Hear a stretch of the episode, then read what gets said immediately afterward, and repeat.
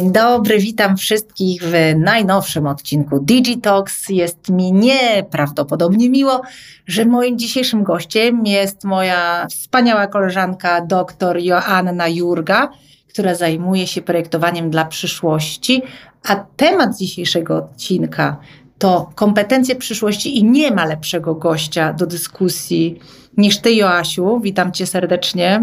Witam, bardzo mi miło. Dzień dobry, dzień dobry. Nie ma lepszego gościa, dlatego że będziemy rozmawiać trochę o multitaskingu, multitalentach, o człowieku renesansu, którym ty niewątpliwie w pełni jesteś, bo powiedz mi, jakie masz obszary zainteresowania oprócz designu, no, wiesz to no jest to design, jest to architektura, jest to przestrzeń kosmiczna, są to rozwiązania do życia w izolacji, no jest to niewątpliwie przyszłość. E, a to wszystko gdzieś się łączy z tak zwaną architekturą dobrostanu, czyli stworzeniem przestrzeni, które nas wspierają, a w całości, gdybym miała to zalać jeszcze sosem, to jest to e, design synestetyczny i neuroarchitektura, czyli e, podstawa neurologiczna i sensoryczna do tego, żebyśmy od strony naukowej, żebyśmy mogli żyć w lepszym środowisku. Więc rzeczywiście tych wątków interdyscyplinarności i kreatywności, o której będziemy dzisiaj mówić, jest całkiem sporo. No właśnie, właśnie, właśnie. Słuchaj, i chciałabym, żebyśmy, bo dużo się mówi o kompetencjach przyszłości. Ty robisz wykłady na ten temat, ja je prowadzę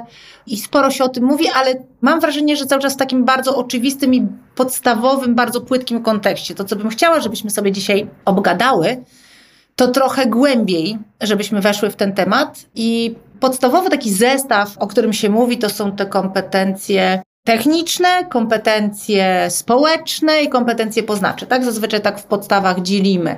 Powiedz mi, co w tych grupach Twoim zdaniem jest takie naj, najsensowniejsze, najważniejsze, na czym się należy skupić? W poznawczych na przykład. Co jest Twoim zdaniem kluczową kompetencją? Wiesz co, to tak jak e, obie, znaczy tak jak rozmawiałyśmy nieraz, najważniejsze, żeby zdać sobie sprawę, że te kompetencje łączą się w trójkąt. W sensie, że żadna z nich nie istnieje jako jedna wyjęta. Jak ja słyszę, że na przykład rodzice puszczają dzieci tylko na zajęcia związane z programowaniem tak. e, i chińskim e, i do tego mają jakiś jeden sport, ale też na przykład o, szach szachy będą idealne, bo to takie bardzo logiczno, e, takie logiczno-matematyczne, tak.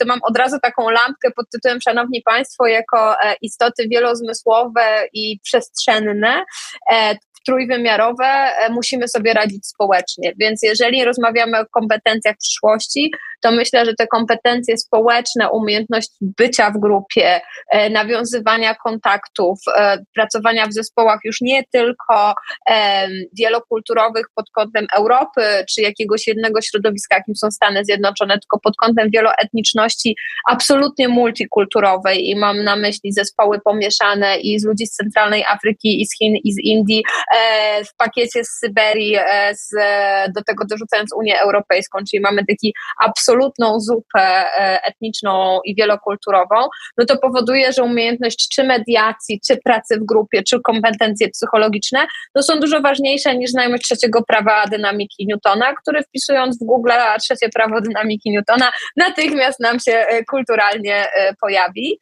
Więc, e, więc myślę, że gdybyśmy mieli powiedzieć, co jest najważniejsze, to najważniejsze jest przypomnienie sobie, e, że mamy robić nie tylko widowiskowe, technologiczne kariery z kolejnymi orzeczeniami e, o różnych rodzajach niepełnosprawności społecznych, tylko powrót do tego, że jako jednostki żyjemy w plemionach, żyjemy w grupach od powstania ludzkości i w tych grupach musimy sobie radzić też międzygrupowo, czyli nie to, że mhm. piekło to inni, jak mówił kiedy pewien bardzo mądry filozof, tylko że e, jednak gościnność buduje naszą siłę i nasze potencjały też w zakresie kreatywności. No właśnie, teraz zobacz, y, oficjalny system edukacji skupia dosyć przypadkowe dzieci w jakiejś jednej klasie, one są jeszcze w tym samym wieku, e, w pewnej takiej bańce i często jeszcze przygotowują projekty samodzielnie, czyli kompletnie nie przygotowujemy się do tego świata, a żyjemy zazwyczaj albo w zamkniętych osiedlach, o czym ostatnio rozmawialiśmy a propos architektury Warszawy. Tak, i miast przyszłości, tak. Tak, zam zamkniętych osiedlach, w jakichś swoich bańkach. I teraz jak mamy, y, wiesz, za 5, 6, 8 lat, bo to, to jest ten horyzont, czy 10 lat, kiedy te nasze dzieciaki, moja córka wejdzie w rynek pracy, jak ona będzie w ogóle w stanie współpracować z ludźmi, którzy choć odrobinę inaczej myślą, już nie mówiąc o tym, że są z kompletnie innych grup etnicznych, bo jeszcze za czasów naszych dziadków, pradziadków, prababć, przynajmniej wychowywaliśmy się w komunach, tak? W, w jednej wsi wszystkie kobiety chowały y, dzieci, więc przynajmniej mieliśmy do czynienia z różnymi osobowościami. Dzisiaj widzimy... Też miasta były skrzyżowaniem no. kultur, nie? Trzeba o tym pamiętać, tak. że na przykład Polska nigdy nie była tak homogeniczna, jak jest w tej chwili, w sensie nigdy przed II wojną światową. Więc ta wielojęzyczność, wieloreligijność, wieloetniczność była czymś oczywistym. Ona była lepiej bądź gorzej trawialna, ale, ale taka była codzienność. A teraz w wyniku kryzysu klimatycznego i wszystkich jego konsekwencji, e, te zmiany, o których mówi UN e, i te migracje wielomilionowe, szacuje się, że do półtora miliarda e, w ciągu najbliższych 20-25 lat za środowiskiem pozwalającym nam przeżyć, powoduje, że te zespoły będą zupełnie, no nie, nie potrafimy sobie myślę na ten moment wyobrazić, jak bardzo wieloetniczne i jak daleko E, ludzie, z którymi przyjdzie nam rozwiązywać zagadki pod tytułem prąd, woda, schronienie, e, systemy operacyjne, e, jak bardzo te zespoły będą musiały umieć mediować między sobą w najprostszych kwestiach, bo oczywiście ich różnorodność będzie siłą, ale będzie też ogromnym utrudnieniem, żeby wypracować wspólne rozwiązania. No i to, co widzimy i w systemie edukacji e, niższej i wyższej, bo ja to widzę na uniwersytecie, to brak od dziecka uczenia się pracy w grupie i akceptowania inności, bo mamy tą tendencję, że każdy z nas chce być liderem i chce postawić na swoim, niezależnie czy ma rację, czy nie ma. E, I to uczenie się, że moje nie zawsze musi być na wierzchu i że wypracowujemy kompetencje wspólnie, znowu kompetencje, wypracujemy je wspólnie, e, szanujemy zdanie innych, nawet jeśli się z nim nie zgadzamy e, i szukamy rozwiązań nie tylko dla najsilniejszych członków społeczności, ale też dla najsłabszych i próbujemy wejść w buty tych, którzy są odmienni od nas, taka debata od, of, of, Boże, Oxforska, tak? To, ten moment w syplenie. tak, tak. No właśnie, a drugim jeszcze wątkiem w, też w tym zestawie kompetencji jest ta inteligencja emocjonalna, tak? E, czyli myślenie o tym, że e, dzisiaj mamy dużo e, lęków, mamy sporo, no już takich myślę zaawansowanych depresji w zespołach, e, czasami niezdiagnozowanych. Mamy wokół siebie e, ludzi z, e, z Aspergerem, ludzi z autyzmem, którzy też są świetnymi pracownikami e, w bardzo różnych obszarach, się super przydają i to też już trochę wiemy. No właśnie, a z drugiej strony, do którego momentu my mamy zajmować się tym well-beingiem pracowników, tak gdzieś tutaj? Znaczy wiesz co, ja mam na ten temat, bardzo dużo się w tej chwili o tym mówi, e, też już mnie raz o tym rozmawiały, ja mam takie spostrzeżenie i przełożę trochę doświadczenia swoje z branży kosmicznej, że mhm Nasz zespół musi zdrowo funkcjonować i my, jeżeli jesteśmy liderkami, liderami, musimy mieć pewne wyobrażenie, co się w tych zespołach dzieje, żeby móc je mądrze kierować. Mhm. Aczkolwiek nie musimy znać szczegółów prywatnych życia e, naszych podopiecznych zawodowych, no bo też od tego są terapie, od tego są specjaliści, od tego jest całe zaplecze środowiskowe dotyczące zdrowego stylu życia i myślę, że o tym też jest w tej chwili bardzo wiele spotkań wokół well-beingu, wokół dobrostanu, wokół tej, nawet nazwałabym jakąś taką architekturą społeczną, czyli wokół budowania schematów, które mają wspierać zdrowe zespoły, żeby wiedzieć, ok, przychodzisz do mnie i mówisz, że jesteś w terapii, więc co środę o 17 wychodzisz wcześniej i mamy deal, że ja się na to zgadzam, bo, że tak powiem, to jest potrzebne, żebyś się dobrze czuł w swoim świecie, w swoim życiu, ale to też nie jest tak, że ja jako pracownik przychodzę z tym całym tobołkiem emocji i wyrzucam je na stół w robocie, no bo od tego właśnie jest terapia, czy wszystko to, co powoduje, że jesteśmy w stanie stanąć na nogi, mm -hmm. bo to mhm. też nie jest tak, że każdy musi być w terapii. Dla jednych to może być sport, dla innych to będzie terapia, dla trzecich to będzie jeszcze coś innego, taniec, bądź, bądź wybierz dowolne. Więc e, myślę, że to jest wszystko znowu o empatii. Ja się zawsze śmieję, że empatia to nie jest zupa po tajsku i od tego, żeby budować ten zdrowy balans, tak, że jako e, lider, menadżer, opiekun zespołów, moją rolą jest szukanie rozwiązań, czyli znowu mediacja a propos kompetencji przyszłości, które pozwala nam wypracować takie systemy, że wszyscy jesteśmy w stanie dowozić. No bo o czym jest praca? Praca jest o realizacji jakichś naszych wspólnych założeń, mhm. no więc jej pierwszym celem jest zrealizowanie tych założeń. Tak? Dokładnie. Teraz bardzo często e, z czasów, kiedy praca była tylko wypełnianiem tabelek i e, bardzo takim miejscem zarządzanym autorytarnie czy patriarchalnie, wybija się wahadło w drugą stronę tworząc przestrzenie i systemy, które ma, będą skrajnie opiekuńcze, one też mają wady, bo one ubezwłasnowalniają, ubezwłos, Boże, ja po polsku już bardzo źle mówię. Ubezwłasnowalniają? tak, powodują, że ludzie są ubezwłasnowolnieni, bo zrzucają odpowiedzialność na to środowisko zewnętrzne czy na pracodawców za swój dobrostan. No to też nie jest tak do końca, nie? Tak. Więc ja bym znowu szukała absolutnie drogi środka, ale absolutnie mediacje, E, i w ogóle te umiejętności miękkie, psychologiczne są podstawą w tej chwili, bo jeżeli mamy tak skomplikowane zespoły z dużą rozpiętością wieku, doświadczeń, z bardzo różnym podłożem, e, bardzo często zaburzeń psychicznych, e, to umiejętność znajdowania struktur, które to zepną, no bo jak sama powiedziałaś, wielu wybitnych specjalistów ma też swoją historię, coraz więcej z nas, jak spojrzymy wśród znajomych, ma na przykład zdiagnozowane ADHD, o którym nigdy nie wiedziało i nagle się ja. dowiaduje, dokładnie, i nagle się dowiaduje, czemu pewne rzeczy robiło w życiu tak czy inaczej, to też powoduje, że to od nas wymaga dużo większej elastyczności i to jest znowu kolejna kompetencja, czyli to learnability, umiejętność uczenia się, bo to już nie jest tylko tak, że lekarze się uczą całe życie, życie. My wszyscy musimy się całe życie uczyć, żeby też budować te zespoły e, i prowadzić te zespoły tak, żeby i one się sprawdzały w układzie, w którym je stworzymy, ale też żebyśmy mogli wspólnie realizować coraz ciekawsze e, cele i rozwiązania. E, I ta umiejętność uczenia się myślę, że jest w ogóle taką podstawą, bo niezależnie czy to są umiejętności, to czego się uczymy, czy to są umiejętności technologiczne, społeczne, czy związane z kreacją, no to one i tak się składają na to, że my musimy się uczyć, żeby móc być, e, móc być na bieżąco i żeby móc e, samemu się też rozwijać.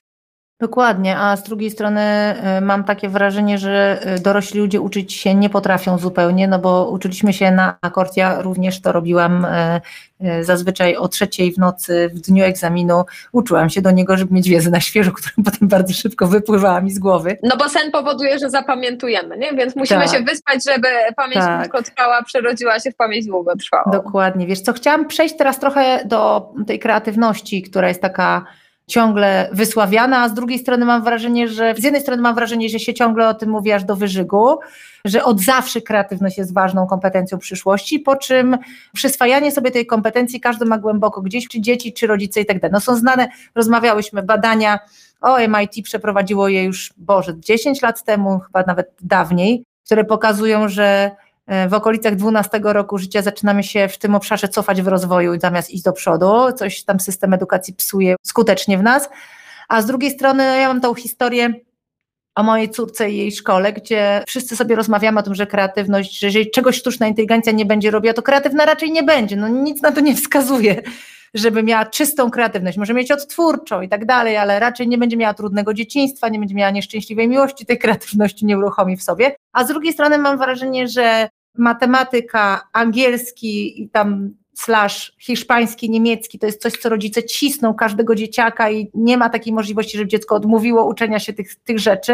Z drugiej strony, czy, nam się, czy im się przydadzą w rynku pracy, matematyka taka typu liczenie, czemu? Wystarczy powiedzieć, technologia za nas policzy jeszcze nam powie, jak do tego doszła. I, I, zrobi to szybciej niż my, nie? Bo to jest ten przypadek kalkulatora, nie? Którego używamy od kilkudziesięciu lat. Dokładnie. E, a z drugiej strony języki, no mamy już tak zaawansowane systemy Natural Language Processing, że w uchu będzie mieć słuchaweczkę, ja do ciebie będę mówiła w dowolnym języku i dowolny język z tembrem mojego głosu będzie płynął do ciebie.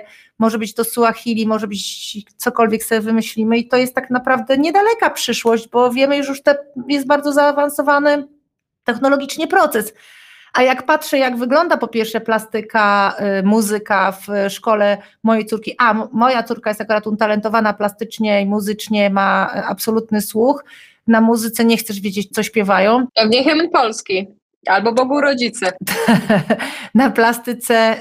Y, wczoraj nawet miałam taką dyskusję z matką dziecka w podobnym wieku, która mówiła, że na plastyce się wyłącznie rysuje figuratywne rzeczy u nich, bo pani takie lubi. Na przykład no, moja cała rodzina, my jesteśmy abstrakcjonistami. Mój były partner lubi sztukę abstrakcyjną, ja ją lubię, moja córka, my sztuki figuratywnej nie lubimy, ale dziecko jest wtłaczane w to w jakiś sposób, prawda? I jak widzimy zebranie rodziców, kiedy rodzic może się zapisać do każdego nauczyciela, nikt się nie zapisuje do nauczyciela od kreatywności, wszyscy się zapisują do nauczyciela od matematyki, angielskiego i hiszpańskiego. No wiesz, no bo to jest po pierwsze, to jest o micie artysty w kulturze, który był biedny e, i nie domagał. E, I oczywiście, Pośmiertnie dopiero. No jak wiemy e, oficjalnie Vincent van Gogh sprzedał pierwszy obraz po śmierci. Jeden sprzedał za życia, ale uznajmy, że sprzedał dopiero po śmierci. No co powoduje, ja zawsze się śmieję, że jak przywitam pierwszy rok studentów wzornictwa, że niech rękę podniesie ten student, tego rodzice są dumni, że dziecko poszło na wzornictwo, a nie na prawo albo medycynę.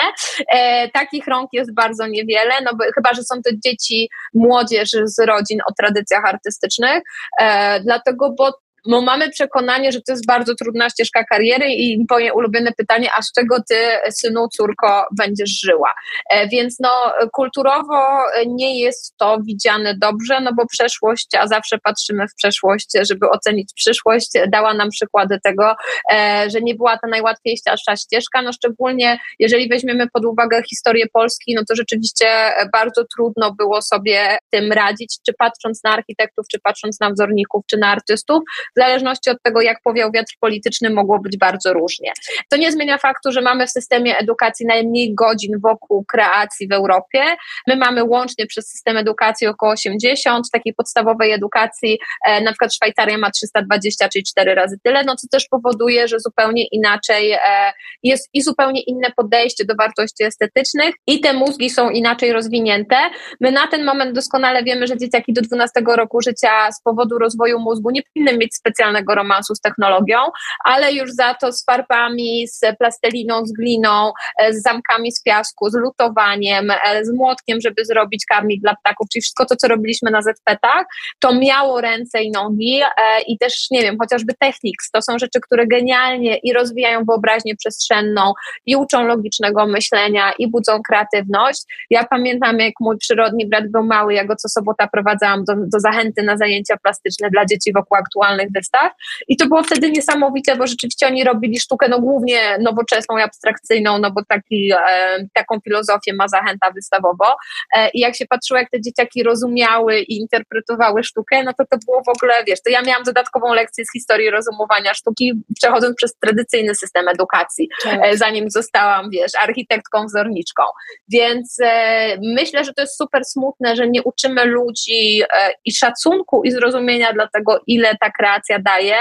Też uważamy, że zabawa jest czymś, co przysługuje dzieciom tylko do pewnego okresu, a potem masz być poważna, podejmować rozważne decyzje, wiesz, dystansować się do emocji. Jesteś wsadzana w taki mundurek bycia e, poważnym obywatelem. Czym jesteś starsza, tym mundurek jest coraz ciaśniejszy, a wiemy o tym, że te kompetencje są zupełnie w drugą stronę, no bo i myślenie poza schematem, i współpraca z maszyną, czy z algorytmem, czyli cały brain-computer interface, to będzie wymagać myślenia wybitnie kreatywnego. Ja zresztą uważam, że przyszłość zawodów projektowych jest właśnie wokół tego, że moi studenci znają proces projektowy i to, czy mają zaprojektować nowy schemat działania edukacji, czy nowe krzesło, to system, znaczy to projekt, proces projektowy prowadzi się dokładnie tak samo. Więc to jest trochę o tym, że my musimy w ogóle zmienić paradygmat i podchodzenia do dzieci i tego, że tablet nie będzie najbardziej rozwojowym zajęciem. Oczywiście są gry komputerowe, które na pewnym etapie super uczą e, logicznego myślenia i w ogóle projektowania zachowań, mhm. a ja nigdy w to nie byłam dobra, ale wiem z rozmów ze specjalistami, że to akurat rozwija bardzo dobrze pewne części mózgu,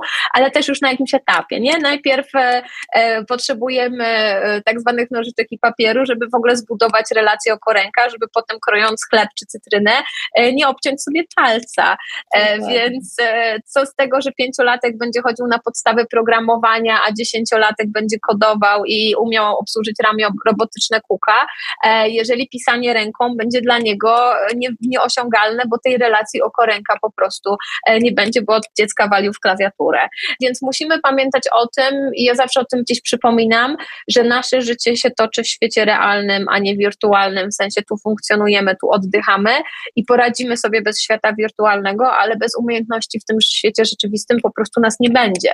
Więc myślę, że taką bardzo ważną kompetencją jest świadomość tego, że musimy być osadzeni i myślę, że więc zakorzenieni w rzeczywistości ze znajomością własnej tożsamości, bo czym bardziej nasze środowisko będzie multikulturowe czy wieloetniczne i czy częściej będziemy się przemieszczać za pracą, za warunkami e, pozwalającymi nam godnie i zdrowo żyć, tym trudniej nam będzie zachować tą swoją tożsamość, a, a ta tożsamość po prostu wymaga osadzenia. I to jest ten słynny problem metaversum, o którym nieraz już rozmawiałyśmy, że jeżeli podłączymy młodzież za wcześnie do świata, gdzie codziennie możesz mieć inną osobowość, to finalnie ta twoja własna, to tak zwane self psychologii się po prostu nie wykształci.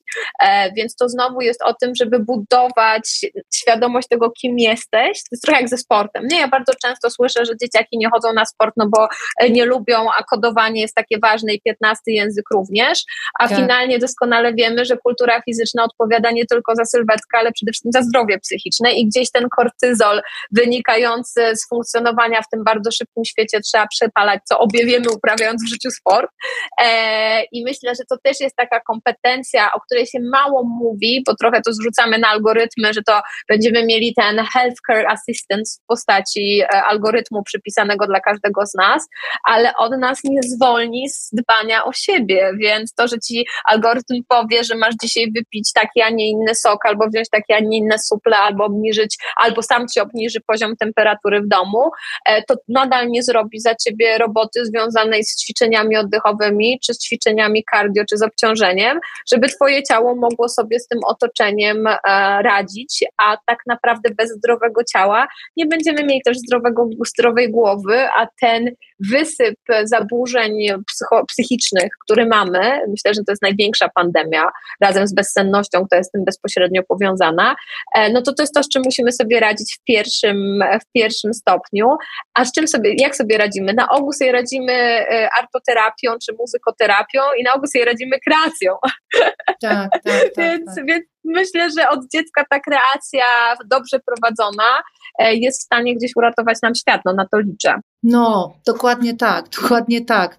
Z kompetencji technicznych, powiedz mi, co jeszcze byśmy wybrały, bo jest oczywiście taka, e, no, rozmawiam o programowaniu. Programowanie, tak ja zawsze dyskutuję na ten temat, dlatego że przy tak szybko rozwijającej się technologii low code, no code, czyli bloków kodu, takie, które może już składać ktoś, kto niekoniecznie umie, umie programować, właściwie może składać ktoś, kto zupełnie nie umie programować po takim trochę może wstępnym zapoznaniu, to trochę będzie nam mniej potrzebne tych programistów niż nam się wydaje. I z drugiej strony oczywiście jestem fanką tego, że jeżeli mamy rozumieć technologię i z nią pracować y, jak z koleżanką lub kolegą, nawet już sobie dzisiaj nazywamy systemy AI-owe Steven, Bob czy Janet, żeby się lepiej czuć po przyjacielsku, ale, ale z drugiej strony to zaawansowane programowanie, no umówmy się, nie będzie aż tak potrzebne jak dzisiaj ale na przykład wiedzieć, co to jest sztuczna inteligencja i że nas nie zabije, tylko w czym nam pomoże, no to już powinniśmy wiedzieć, nie? Znaczy tak, tylko że myślę, że to jest znowu o tym, że my musimy zhumanizować technologię, żeby była zrozumiała dla ludzi, no bo coraz częściej mówimy o informatyce dla humanistów, mhm. bądź tak staramy się, to jest trochę to, o czym mówisz, że już nie trzeba będzie znać tego twardego kodowania, żeby móc kodować, bo będzie się układać jak z puzli, bądź jak z klocków Lego. Tak. To samo trochę dotyczy robotyki, która też uważam, że jest ogromną gałęzią przyszłości, nie dlatego, że tam roboty zniszczą świat, tylko dlatego, że bardzo wiele zawodów, których nie chcemy wykonywać albo nie musimy wykonywać, już mogą wykonywać roboty. Ostatnio się nad tym zastanawiałam, stojąc na dworcu centralnym, tam teraz jest ta cała akcja z ramionami robotycznymi, które robią kawę. Ja mam, tak. uważam, że to jest taka pewna forma absurdu, bo zużycie energii i tak dalej, ale miałabym, miałabym się do czego czepnąć, ale do czego zmierzam, że rzeczywiście kawę może nam podawać ramię robotyczne, e, ale znowu, żeby nauczyć się kodować ramiona robotyczne, nie musisz e, w tej chwili tak naprawdę umieć e, tworzyć kody od A do Z. Więc ja myślę, że to w ogóle jest znowu zmiana myślenia o tym, czym będą umiejętności technologiczne, bo też pomyślałam o materiałoznawstwie, które no jest z zakresu stermowego, ale jest jeszcze inną półką, bo na przykład materiałoznawstwo, które będzie głównie oparte o, moim zdaniem, o wykorzystywanie zasobów już przez nas wyprodukowanych mhm. i tworzenie w ogóle nowych materiałów, to znowu będzie absolutnie kreatywne zajęcie. W sensie będziesz musiała mieć skille chemiczno-biologiczno-fizyczne, żeby cię to jarało, ale to znowu będzie praca tak naprawdę od podstaw i ona będzie super kreatywna. Jak myślę o wymyślaniu nowych konstrukcji, czyli typowo inżynieryjne, to znowu jest tak, że znowu to będzie wynikać z kreacji. W sensie będziesz musiała znać wytyczne, ale komputer ci potem obliczy, wiesz, jakie obciążenie ma mieć konstrukcja stalowa, no bo ono już to robi. Ty masz po prostu wiedzieć, jak to działa. Czyli cały system edukacji przenosi się na doświadczenie, nie na kucie e, kolejnych formuł, tylko na to, że ty w głowie jesteś w stanie sobie wyobrazić, co się dzieje z system, znowu jesteś w stanie sobie to wyobrazić przestrzennie i wtedy podajesz to, co wytyczne do, do systemu, do algorytmu i on ci wypluwa odpowiedź, czyli bardziej jak myślę o kompetencjach przyszłości odnośnie technologii, to jest umiejętność współpracy, czyli rozumienia, jak działa technologia, bądź co jest mi w stanie wypluć dany algorytm, niż sama umiejętność, wiesz, siedzenia e, i niczym ten chomik pisania niekończących się kodów. Tru, tru, tru. Zgadzam się bardzo. Oczywiście gadamy o tym ciągle, ale cieszę się, że właśnie wchodzimy trochę głębiej w te poszczególne rzeczy.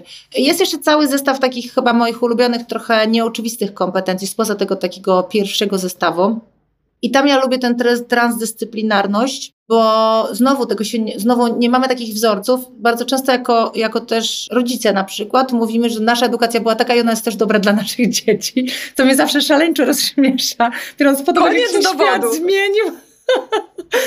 ale, ale jest tak, że myśmy się wąsko specjalizowali, to było wartościowe, im głębiej, tym lepiej i szczyciliśmy się napisanym um, zdaniem w CV, mam 20 lat doświadczenia w tym obszarze. Teraz jest coś dokładnie innego. Pogadajmy o tym, powiedz jak ty to widzisz, jak ta transdyscyplinarność, to co to jest, co to powinno być? Znaczy ja myślę, że bardzo ładnie to opisuje takie stwierdzenie jak slashes, czyli że przyszłość jest um, ścieżką kariery, mikrokarier i że nasze kompetencje będą się skupiać według grup zawodów, które jesteśmy w stanie wykonywać, czyli właśnie grafik, wel programista, e, wel fotograf, wel copywriter, czyli mamy pewien zbiór zawodów kreatywnych, gdzie kiedyś jakbyśmy poszli do agencji, e, to każdy miałby swojego przypisanego człowieka, Mówi się o tym, że pokolenie Z będzie zmieniać zawód, a nie pracę siedem razy, ale właśnie w takim worku kompetencji, które się uzupełniają, co powoduje, że jesteś w stanie być dużo bardziej elastyczny na tym nieustająco zmieniającym się rynku, co mhm. daje im dużo większą adaptację i nie powoduje, że jak zamykają twój zakład pracy, to szukasz, wiesz, liniowo kariery dokładnie w tej samej ścieżce, bo tylko w niej masz tą swoją jedną kompetencję. Tak. I ja tak rozumiem tą interdyscyplinarność i ja sama się z tym w swojej ścieżce kariery mierzę, że potem, wiesz, jak, jak szłam po grant robiąc doktorat, to wszyscy mówili, że dlaczego ja się zajmuję naukami wokół mózgu, jak jestem architektem, gdzie to jest powiązanie, no bo w Dokładnie. Polsce stwierdzenie neuroarchitektura jest mniej więcej tak, jakbym powiedziała komuś gdzieś po chińsku dzień dobry e, i trzeba było tłumaczyć, że ja potrzebuję takich, a nie innych osób w zespole, żeby te rzeczy w ogóle mogły powstać, e, czy na przykład lekarzy w zespołach projektowych, żeby móc ocenić realny wpływ obiektu czy, czy przestrzeni na użytkownika i o tym też będzie i już jest interdyscyplinarność, bo jak patrzę na to, na czym, co ja czytam do mojej pracy, no to jestem dużo bliżej artykułów, które czyta mój ojciec będący chirurgiem, e, niż to, co czytali inni architekci 20 czy 30 lat temu. Więc e, tak naprawdę neuroscience dla wszędzie. W sensie, czego nie dotkniemy, to tam jest jakiś rodzaj neuroscience, który łączy dziedziny ze sobą bardzo różnie, no bo czym bardziej rozkodowujemy mózg, tym bardziej rozumiemy e, nasze otoczenie, tak? Zaczynając od e, poruszania się po drodze z punktu A do punktu B i tu mamy projektowanie czy funkcjonowanie autonomicznych pojazdów, e, skończywszy na medycynie przez architekturę czy prawo, tak? No bo jeżeli wiemy, że jakaś ścieżka zachowań wynika z uszkodzenia mózgu na jakimś etapie, to jak mamy sądzić, co spazanych, tak? No bo to w ogóle wykrzacza poziom rozumienia świata, który znaliśmy do tej pory. Więc mam takie wyobrażenie, że e, ta interdyscyplinarność i w ogóle otwartość na tą, mówimy o tym, że teraz jest, żyjemy w świecie gender fluid, a ja jestem przekonana, że my żyjemy też w świecie work fluid, czy job fluid, że, że tak naprawdę gdzieś pływamy między bardzo różnymi obszarami w ramach swoich zainteresowań i specjalności, ale dotykając po drodze dziedzin, których kiedyś by nam zabroniono dotykać, no bo ktoś by mi powiedział, sorry, nie jesteś Jurga, nie poszłaś na medycynę, to odczep się od neurologii, no bo tak jakby to nie twoja działka, tak? A teraz już wiemy, że podstawą w ogóle, znaczy co powoduje, że tak przyspieszył też ten świat i nauki, i biznesu, i technologii, to to, że myśmy zaczęli zaglądać do innych przegródek i łączyć kropki które wcześniej byśmy ich nie połączyli, bo były zamknięte w osobnych pudełkach, więc to jest kompetencja przyszłości. Dokładnie tak. Miałam ostatnio z moim obecnym partnerem wielką dyskusję na ten temat, który ogólnie jest inżynierem e, i architektem i ekspertem od materiałoznawstwa, ale na przykład z rozkoszą czyta prace doktorskie swoich przyjaciół z medycyny, bo uważa, że to jest dużo łatwiejsze dla niego niż jego działka i to mu uzupełnia pewne braki wiedzy, więc też się w ten sposób jakoś tam radośnie dokształca to mi wchodzi w taką kompetencję, która jest z kolei moją zupełnie ulubioną, tak bym na koniec ją omówiła. To jest kompetencja, która się nazywa umysł projektanta. I tak jeszcze chciałam małą dygresję a propos właśnie znowu szkoły podstawowej, czyli edukacji mojej córki że kastruje nas, nasze dzieci z tej kompetencji Librus, ponieważ rodzic ma pełną kontrolę nad tym, co dziecko robi, może robić, z czego ma dokładnie dzisiaj jaką ocenę albo z czego musi się przygotować, w związku z czym może w pełni zarządzać życiem tego dziecka. I jak ono może sobie wykształcić taki umysł projektanta, czyli stać się taką osobą, która sama sobie projektuje swoje życie, no bo jeżeli będziesz miała x mikrokarier, jeżeli to się wszystko będzie zmieniało, a wiemy o tym, że będzie, to nie jest gdybanie, co my teraz robimy, my dowiemy już na 100%. Chyba, że się wszystko wywali, no to wtedy już nic nie będzie, ale jeżeli się nic nie wszystko wywali i będzie jakiś świat, to on dokładnie tak będzie wyglądał, to już wiemy. To nie jest jakby jakaś, jakaś taka dyskusja to bardzo nie jest wróżenie To nie jest wróżenie, to nie jest fortune teller. I teraz jak wykształcać ten umysł projektanta, no bo mi się wydaje, że to jest taka królowa. Znaczy ja myślę, że po pierwsze odciąć rodziców od Librusa. E, Dokładnie. Miałam ostatnio rozmowę z moim przyjacielem, który ma dwójkę nastolatków, o tym, że mnie przeraża to, że te dzieciaki nie mogą po pierwsze zajumać dziennika, bo to był mhm. bardzo duży wyczyn w okresie, jak byliśmy w szkole. Ja byłam mistrzynią podrabiania ocen e, i, e, i pisania usprawiedliwień w dowolnym charakterze pisma, e, bo jako miałam skill plastyczny, więc byłam Brawo. bardzo dobra, e, prawda? No, nie jedną paczkę szlugów zarobiłam w ten sposób w liceum, e, jak jeszcze paliłam, przyznaję się bez bicia, e, ale to uczyło po pierwsze e, tego, że jak chciałaś skakować system, to trzeba było mieć jaja to zrobić, a po drugie ewentualnie ponieść konsekwencje albo zrobić to tak mądrze, żeby się nikt nie zorientował. Ale też uczyło tej odwagi, że ja musiałam wrócić do domu i na przykład powiedzieć, mam, bo byłam na wagarach, złapano mnie, coś tam, coś tam, wylądowałam od rektora, w tej chwili tego w ogóle nie ma. Ja się śmieję, mam na to taką nazwę, że obecny sposób wychowania dzieci to są tak zwane dzieci w folii bąbelkowej, czyli rodzice amortyzują wszystkie możliwe wydarzenia, co też potem przekłada się na to, że te dzieciaki na studiach sobie średnio radzą z porażkami, bo wcześniej nie były na porażki wystawione, a tu nagle tej folii bąbelkowej nie ma. I to jest bardzo duża różnica społeczna, którą widzimy. E, więc co zrobić? Po pierwsze, wyłączyć rodziców z Librusa. Myślę, że to by systemowo dużo rozwiązało. Zepsuć Librusa w imię budowania kompetencji przyszłości. Dokładnie tak. E, myślę, że to by było ciekawe, bo obecne pokolenie rodziców w większości e, ma jednak fit kontrola, więc to też by nagle się okazało, kto naprawdę go ma e, i dlaczego warto się tym zająć na innych płaszczyznach życia, nie tylko pod kątem Librusa. Myślę, że to też jest w tym miejscu, że czym bardziej będziemy dzieci wspierać w autonomicznych decyzjach, czyli kochanie, nie chcesz chodzić na taniec, to bierzemy kartkę i zastanawiamy się, jakie są plusy i minusy, bo nie lubisz chodzić na taniec, bo pan jest niemiły, pani jest niemiła, ktoś cię prześladuje, bo wiem, że kochasz muzykę, czy bo wolisz spędzić ten czas na czymś innym, ale dawanie tej przestrzeni do tego, że to nie jest projekt dziecko, w sensie, bo ja mam taką obserwację, tak. że dzieci są teraz projektem tak.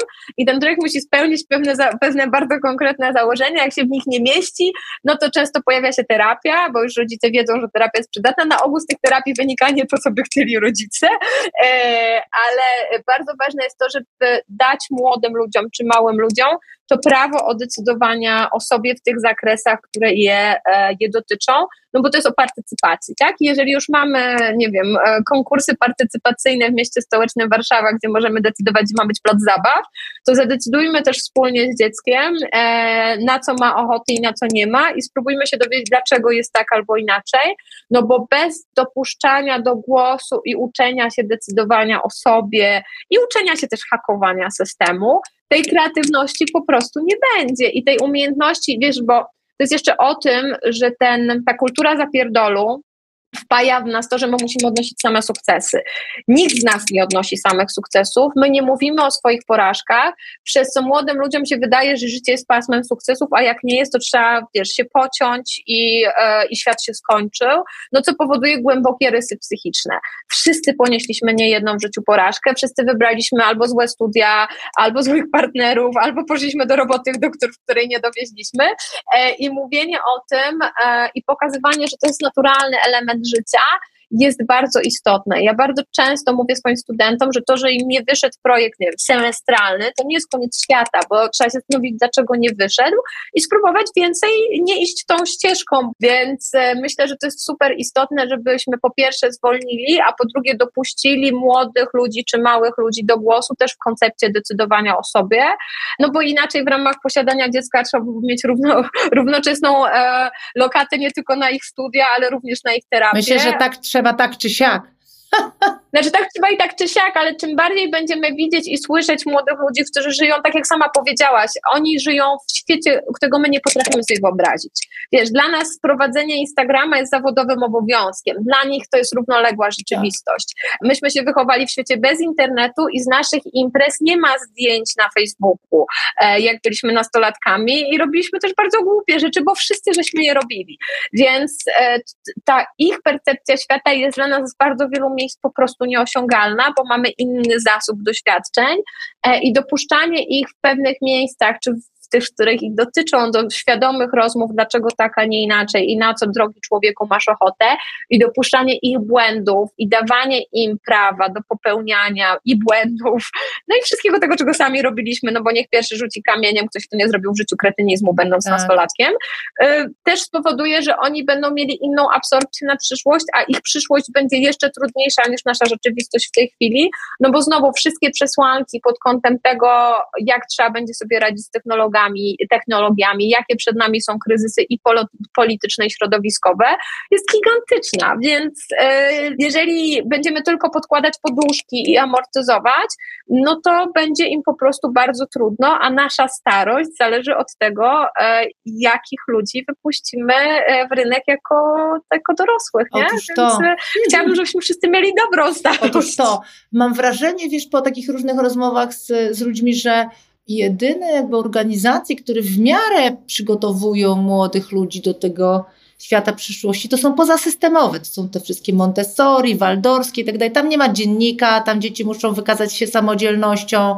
Miałam wczoraj właśnie z Jagodą. Są pomieszane tak, wiekowo. Miałam wczoraj z Jagodą taką dyskusję właśnie, że w naturalnym środowisku spotykasz ludzi w różnym wieku.